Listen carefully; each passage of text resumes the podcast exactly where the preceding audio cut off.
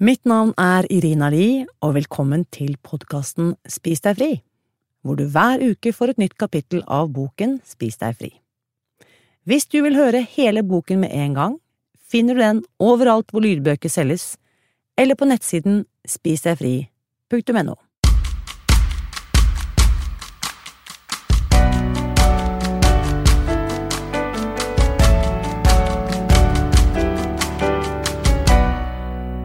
Kapittel 5 Sabotøren Gjennom fire kapitler har vi sett på hvilken effekt det typisk amerikanske kostholdet har på hjernen vår ved å kuppe og omstrukturere visse hjernefunksjoner. Men hvordan opplever du det i praksis, når du holder på med dine daglige gjøremål? Mange av oss som har forsøkt å gå ned i vekt gjennom flere år, har en følelse av at vi er to personligheter på samme tid hver med sin egen agenda.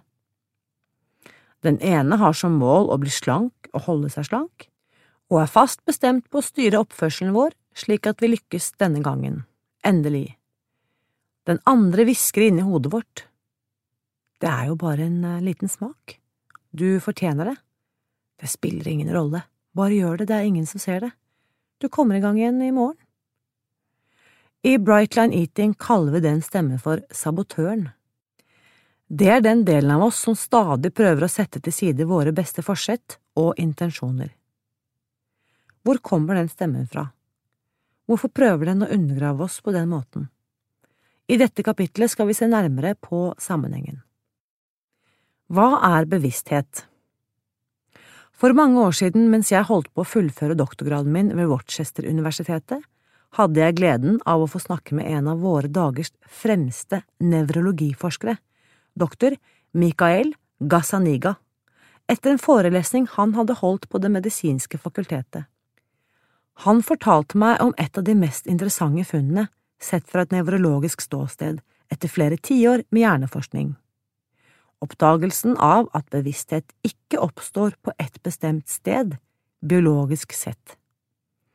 Det er heller slik at hver enkelt del av hjernen som styrer et funksjonsområde, også skaper en bevissthet om måten den funksjonen oppleves på.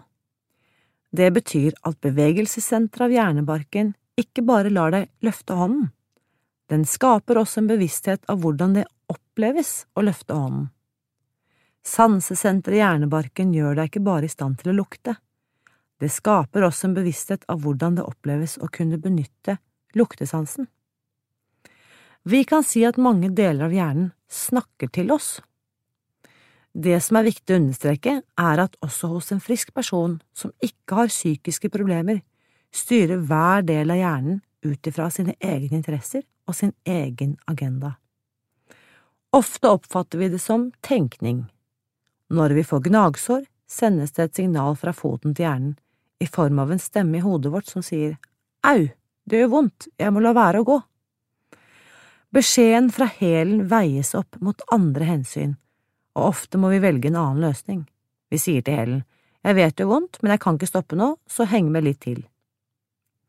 Men hvis vi ikke er oppdatert på måten bevissthet er fordelt på hjernen når samtalen foregår mellom deler av hjernen, kan det hende vi feiloppfatter hva som er kilden til de aktuelle tankene. Kanskje vi oppfatter det som at alle beskjedene kommer fra et integrert jeg. Jeg slanker meg, jeg vil ta en drink i det selskapet, det er ikke meningen at jeg skal drikke under slankekuren. Jeg vil ikke at noen skal se rart på meg hvis jeg ikke tar en drink. Greit, jeg tar den drinken. Men egentlig er beskjeden om å ta den drinken, som du vet vil føre slankekuren av sporet, ikke mer representativt for deg selv enn beskjeden fra hælen om at den gjør vondt. Det jeg vil at du skal lære i dette kapitlet, er å gjenkjenne stemmen til sabotøren og bli i stand til å snakke tilbake til den, akkurat sånn som vi snakker med kroppen vår hele tiden, som når vi fortsetter å gå til tross for et gnagsår, når vi må undervise til tross for hodepinen, eller når vi sitter fast i trafikken og trenger å tisse. Å regulere spisingen din er ikke noe annerledes når du først har forstått hvordan hjernen fungerer. Et eksperiment. I kapittel to snakket vi litt om hjernestammen, den delen av hjernen der leptin blir blokkert. Leptin er hormonet som sender signalet jeg er mett, og nå er det på tide å gjøre andre ting. For å rekapitulere kan vi minne om at hjernestammen er den mest primitive delen av hjernen. Den kontrollerer basisfunksjonene våre, som at pupillene utvider seg og trekker seg sammen, at urin blir produsert, og at oksygen blir opptatt i kroppen. De som har søvnapné, vet antagelig at hjernestammen vekker deg for å sørge for at du trekker pusten. Det er der de grunnleggende overlevelsesmekanismene våre ligger. Hjernestammen har også en stemme. Jeg vil at du skal bli kjent med den stemmen. Derfor vil jeg at du skal utføre et lite eksperiment. Akkurat nå. Jeg vil at du skal bestemme deg for å holde pusten i to minutter. Bestem deg fullt og fast. Overbevis deg selv om at alt det du har ønsket deg i livet, venter i etterkant av de to minuttene. Slapp av, forbered deg, start tidtakeren og sett i gang. Mens du holder pusten, vil jeg at du skal legge merke til hva som foregår inni deg. På et tidspunkt i løpet av det første minuttet endrer utsagnet seg fra dette går greit til dette her er jo helt sprøtt, eller til og med for helvete heller! Dermed bestemte du deg for å puste, ikke sant? Du fant ut at ikke noe alvorlig kom til å skje om du trakk pusten, og det var ubehagelig ikke å gjøre det, så en stemme i hodet ditt sa bare gjør det, pust! Poenget er at du ikke bestemte det. Hjernestammen din bestemte det. Den fikk det som den ville, ved å overbevise deg med din egen indre stemme. Bevissthet er ikke et entydig fenomen i hjernen. Forskjellige deler av hjernen gir opphav til sin egen bevissthet, men for oss høres alle sammen ut som meg. Det er slik det oppstår indre konflikt. Selv de mest primitive delene av hjernen vår snakker til oss, med vår egen indre stemme, når det er nødvendig å korrigere handlingene våre. De resonnerer med oss, og de vinner.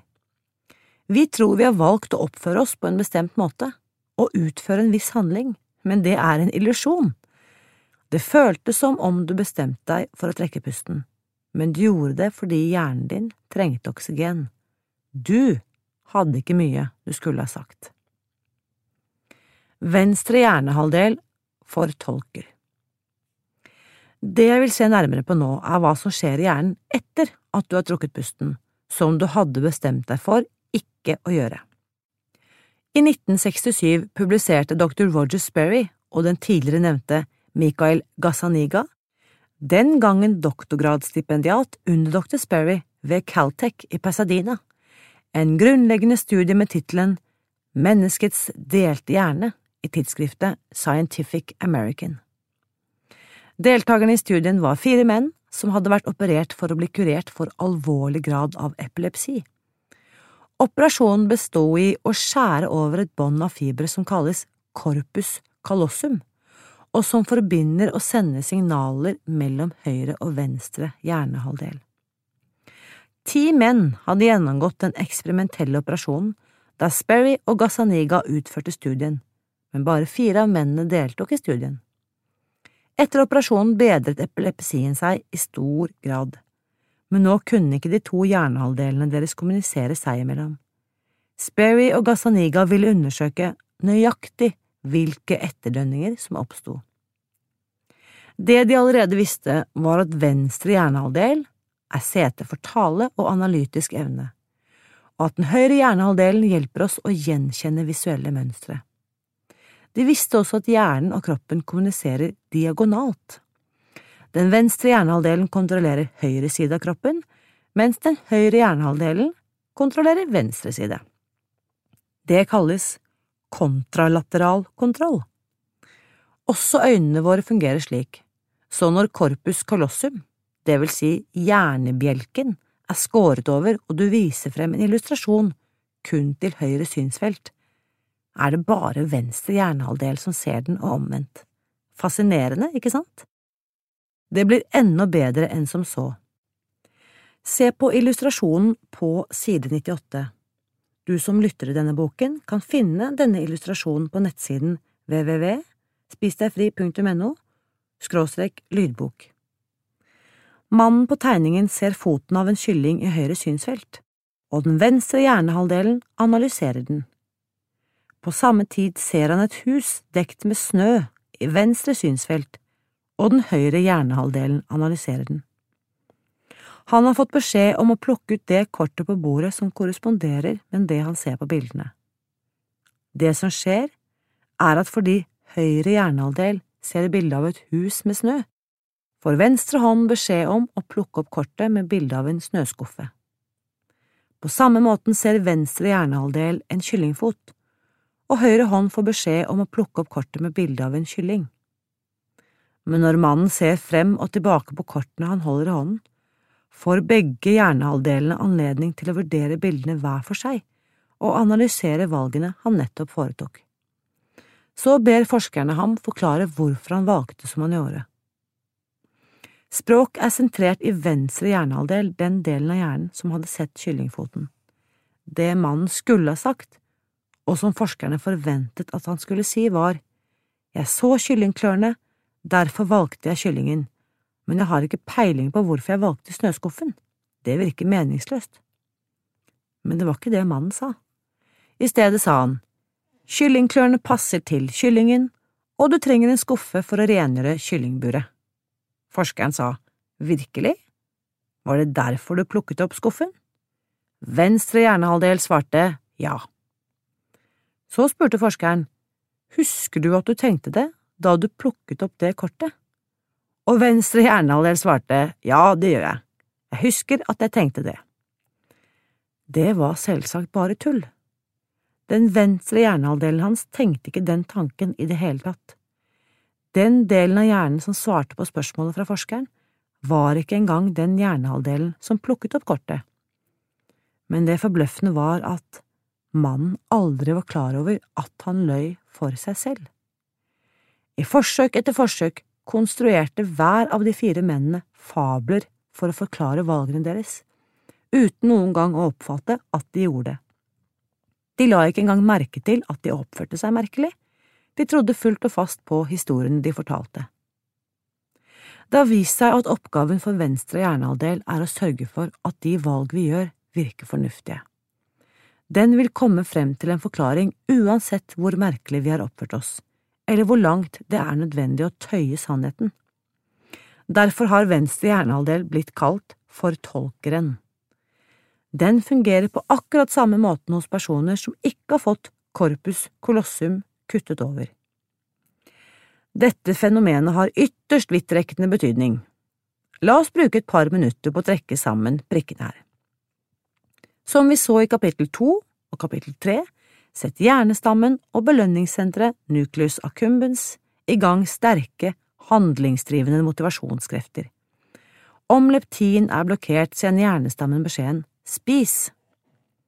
Om dopaminreseptorene i nucleus accumbens er blitt nedskalert, roper de på mer, med vår egen stemme. Og så kommer venstre hjernehalvdels fortolker og prøver å gi en fornuftig forklaring på handlingene våre. Når vi lever livet som før, og hvert år gjør fire eller fem mislykkede forsøk på å gå ned i vekt, samtidig som vi foretar valg som er 100% uforenlige med målet, løftene og fremtiden vi ønsker oss, er venstre hjernehalvdel travelt opptatt med å fortelle historier som kan forklare handlingene våre, uansett om de virker helt meningsløse. Vi spiste den muffinsen fordi vi hadde en lang dag bak oss vi er jo i bursdagsselskap. Nå fortjener vi litt kos.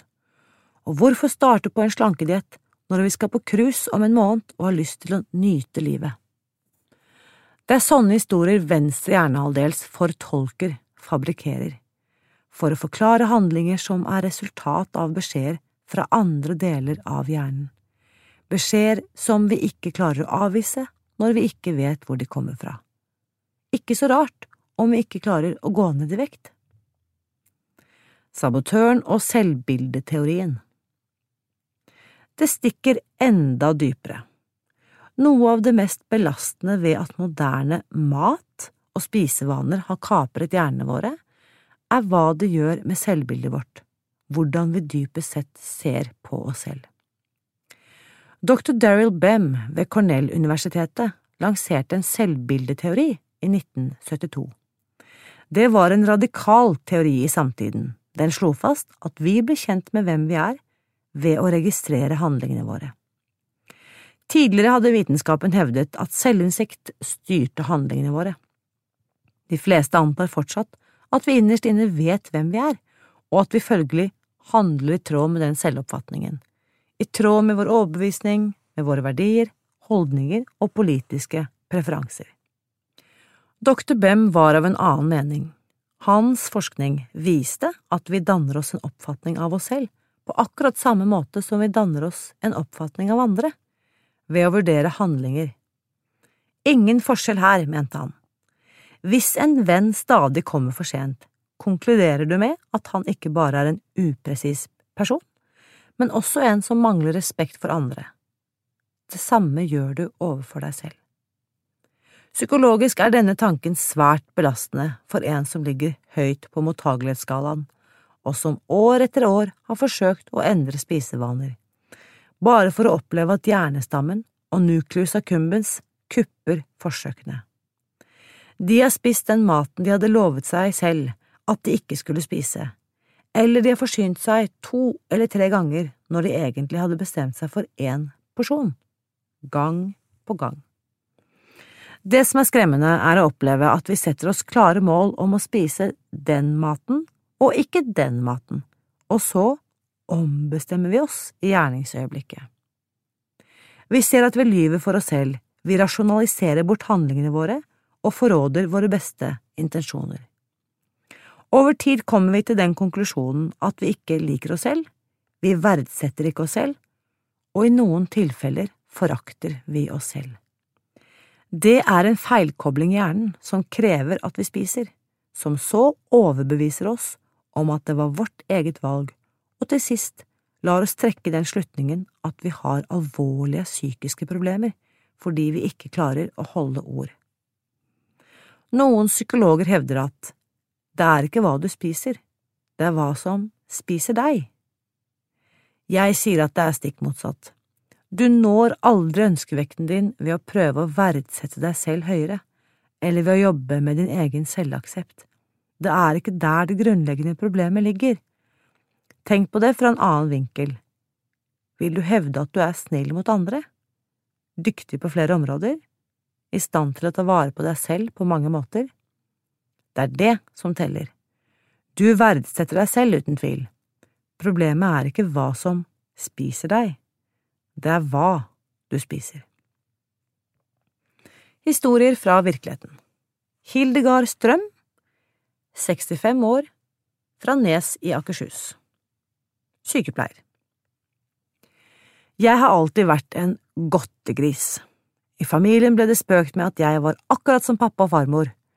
Mamma fortalte at jeg kunne gå langt om jeg hadde noen kroner å kjøpe godteri for. Selv tenkte jeg aldri på det som et problem. Gjennom barne- og ungdomstiden og som ung voksen hadde jeg ingen bivirkninger av sukkerforbruket mitt. Overvekten kom først i midten av 30-årene. Samtidig fikk jeg diverse diagnoser, jeg utviklet etter hvert artrose, fibromyalgi og lavt stoffskifte. I dag kan jeg jo lure på hva som egentlig trigget disse autoimmune sykdommene. Min løsning ble slankepulver, jeg gikk ned 18 kilo og var veldig fornøyd, og startet som konsulent for dette pulveret. Kiloene kom selvsagt på igjen, pluss noen ekstra. På neste pulverkur ble jeg kvitt 14 kilo. Etter noen få år var disse også på plass igjen, pluss enda flere til. Deretter ble det lavkarbo som fungerte utmerket, helt til jeg sprakk så det sang. Opp igjen, mye mer opp. Dermed tilbake til innkjøp av pulver, som jeg begynte på hver mandag. Faktisk har jeg hatt slankepulver i skapet i 30 år. Selv har jeg aldri gått på slankekurs eller trodd at jeg kunne trene meg slank, jeg har alltid stolt på dette pulveret bare jeg kunne komme i gang igjen. Hvordan hadde det vært hvis jeg ikke hadde hatt så liten viljestyrke når det kommer til sukker, tenkte jeg ofte. Livet mitt har vært preget av noen belastninger. Sukker ble min medisin. Når livet gikk meg imot, når jeg var lei meg, når jeg var sliten, eller når jeg var glad, når noe skulle feires. For noen få år siden fikk jeg en ekstrajobb med nattevakter i tillegg til full jobb på dagtid. Etter hvert ble det slitsomt, og litt etter litt mistet jeg all kontroll over matinntaket. Hodet mitt jobbet konstant med hva jeg skulle spise. Hvor mye eller hvor lite vanlig mat måtte jeg ha i meg før jeg kunne gå løs på dopet mitt. Jeg ble tyngre og tyngre og følte meg stygg og verdiløs. Tenk å være så viljesvak. Selvforakten bare vokste. Samtidig fikk jeg mer og mer av smerter og mindre og mindre av energi. Vinteren 2017 var leddene mine så hovne at jeg ikke klarte å knytte hendene. Jeg kunne ikke gå i vanlig tempo og snakke samtidig. Til slutt spiste jeg minst, minst én liter is om dagen pluss masse annet med sukker og mel i. I januar 2018 nådde vekten min all time high. Jeg var fortvilet, nesten desperat. Fastlegen min hadde de siste par–tre årene sagt at blodsukkeret mitt var for høyt. Med en farmor og en far med diabetes type 2 visste jeg at jeg måtte passe meg. Det rare er at jeg, som er sykepleier, aldri spurte legen hvilke blodsukkerverdier jeg hadde. Kanskje jeg ikke ville vite det, i og med at jeg ikke klarte å gjøre noe med det. Hver mandag begynte jeg, eller hadde planer om å begynne, med lavkarbo eller pulver. Til slutt klarte jeg ikke lenger å komme i gang. Det var da jeg leste om en ny bok som var kommet på norsk, om å gå ned i vekt basert på hjerneforskning. Jeg googlet, tok avhengighetstesten og skåret en utvilsom tier. Deretter bestilte jeg boken den ga meg så mange aha-opplevelser. Boken beskrev meg. Et eller annet sted leste jeg om et nettbasert kurs på norsk som skulle begynne i midten av januar. Jeg bestemte meg for å prøve. De første to ukene var skikkelig ille. Jeg var kvalm og svimmel. Jeg var ualminnelig trøtt. Jeg frøs og hadde veldig vondt i hodet. Jeg ble sint og aggressiv. Jeg postet et oppgitt innlegg i kursets Facebook-gruppe om at slik gikk det ikke an å leve. Dette opplegget kunne jeg absolutt ikke kombinere med min arbeidshverdag, som besto av jobb både dag og natt. Irina ba meg teste opplegget i 14 dager. Det gikk jeg med på. Det er jeg ualminnelig takknemlig for i dag. Kurset hjalp meg gjennom den krevende fasen. Å meditere har også hjulpet meg, for ikke å snakke om all den støtten jeg fikk i Facebook-gruppen av Irina og hennes team. Etter hvert fikk jeg også støtte av en super buddy. Bright Line Eating har endret livet mitt, intet mindre. I dag, ti måneder etter at jeg startet i januar, er jeg 25 kilo lettere. Jeg har nesten ikke smerter, jeg er full av energi og våkner tidligere om morgenen. Det aller beste. Etter fem måneder med Bright Line Eating hadde jeg normale blodsukkerverdier. Da fikk jeg også vite det som jeg ikke hadde spurt legen om sist gang, at jeg faktisk hadde hatt diabetes type 2. Jeg er ennå ikke fri fra sukkeravhengigheten. Hodet mitt jobber fortsatt på spreng når jeg finner noe å feire, for eksempel vekttapet, eller når jeg synes jeg fortjener noe godt. Som regel klarer jeg å stå imot, men det har også hendt at jeg har sprukket. Det blir heldigvis sjeldnere og sjeldnere. Jeg pisker ikke meg selv lenger, for jeg har de verktøyene jeg trenger for å bli frisk og holde meg frisk. Jeg har ro i hodet, og jeg er normalvektig for første gang på 30 år. Det er jeg ubeskrivelig takknemlig for. Susan har utviklet The Food Freedom Quiz, som viser hvor du befinner deg på mottagelighetsskalaen. Den finnes foreløpig kun på engelsk, og du kan teste deg selv her, på nettsiden www.spisdegfri.no test. Har du noen spørsmål etter dagens episode? Da vil jeg invitere deg til å bli med på min faste livesending på Facebook-siden Spis deg fri, onsdag klokken ett, hvor du kan få svar på direkten.